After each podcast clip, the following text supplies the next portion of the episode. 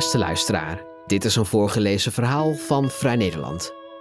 Zelden gaat de politieke discussie over waar sociale identiteit vaak voor wordt gebruikt, als een rookgordijn voor economische belangen. Dat de winst van de boer-burgerbeweging en daarmee de agro-industrie nu wordt gezien als een zegen van de zogenaamde normale Nederlander, is volgens Roxaan van Iperen de vervolmaking daarvan. Lou Anna Druivenstein leest voor.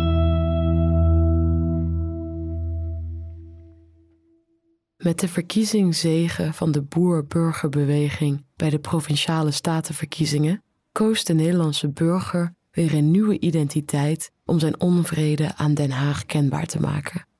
Althans, dat was de veelgehoorde verklaring voor de winst van de partij die vanuit het niets de grootste in de Senaat werd.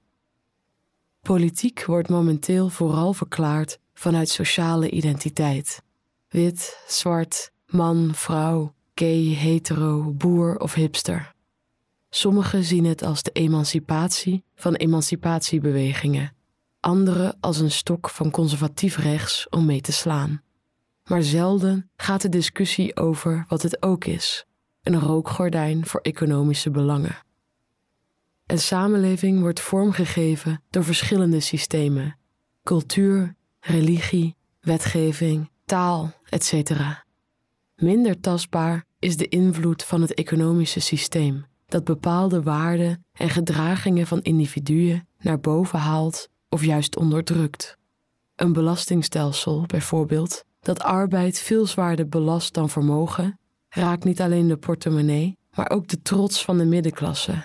Kernwaarden als arbeidsethos, discipline en solidariteit worden bestraft, terwijl de handige belegger zijn tips in een podcast vanaf een zonnig eiland verspreidt. De boodschap: wie deelneemt en bijdraagt aan de samenleving is een sukkel. Rentenieren moet je vieren. Na ruim 30 jaar leven in een systeem dat inzet op egoïsme en een dog-eat-dog mentaliteit, is het niet vreemd dat burgers zich inmiddels in een constante staat van competitie met elkaar bevinden. Een competitie die vaak onterecht op identitaire grond wordt uitgevochten.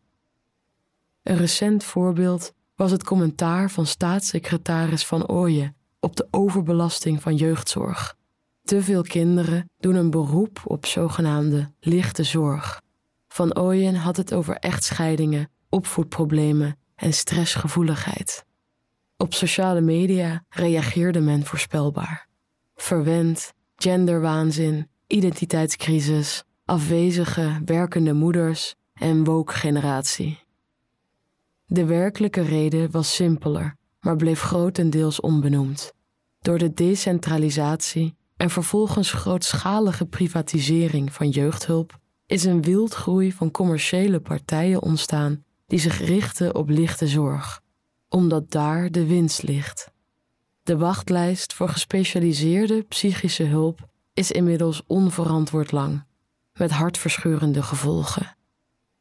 De BBB-stem werd in de meeste commentaren gebracht als proteststem tegen Den Haag en het stikstofbeleid.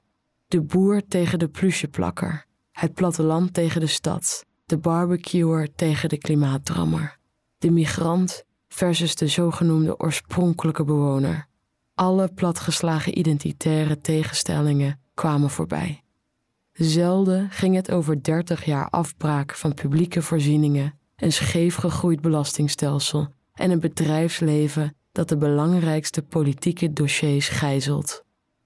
Dat de winst van de agro-industrie nu wordt gezien als een zegen van de normale Nederlander, is de vervolmaking van het identitaire rookgordijn. Die zegen is geen protest tegen de kabinetten Rutte, het is het product ervan.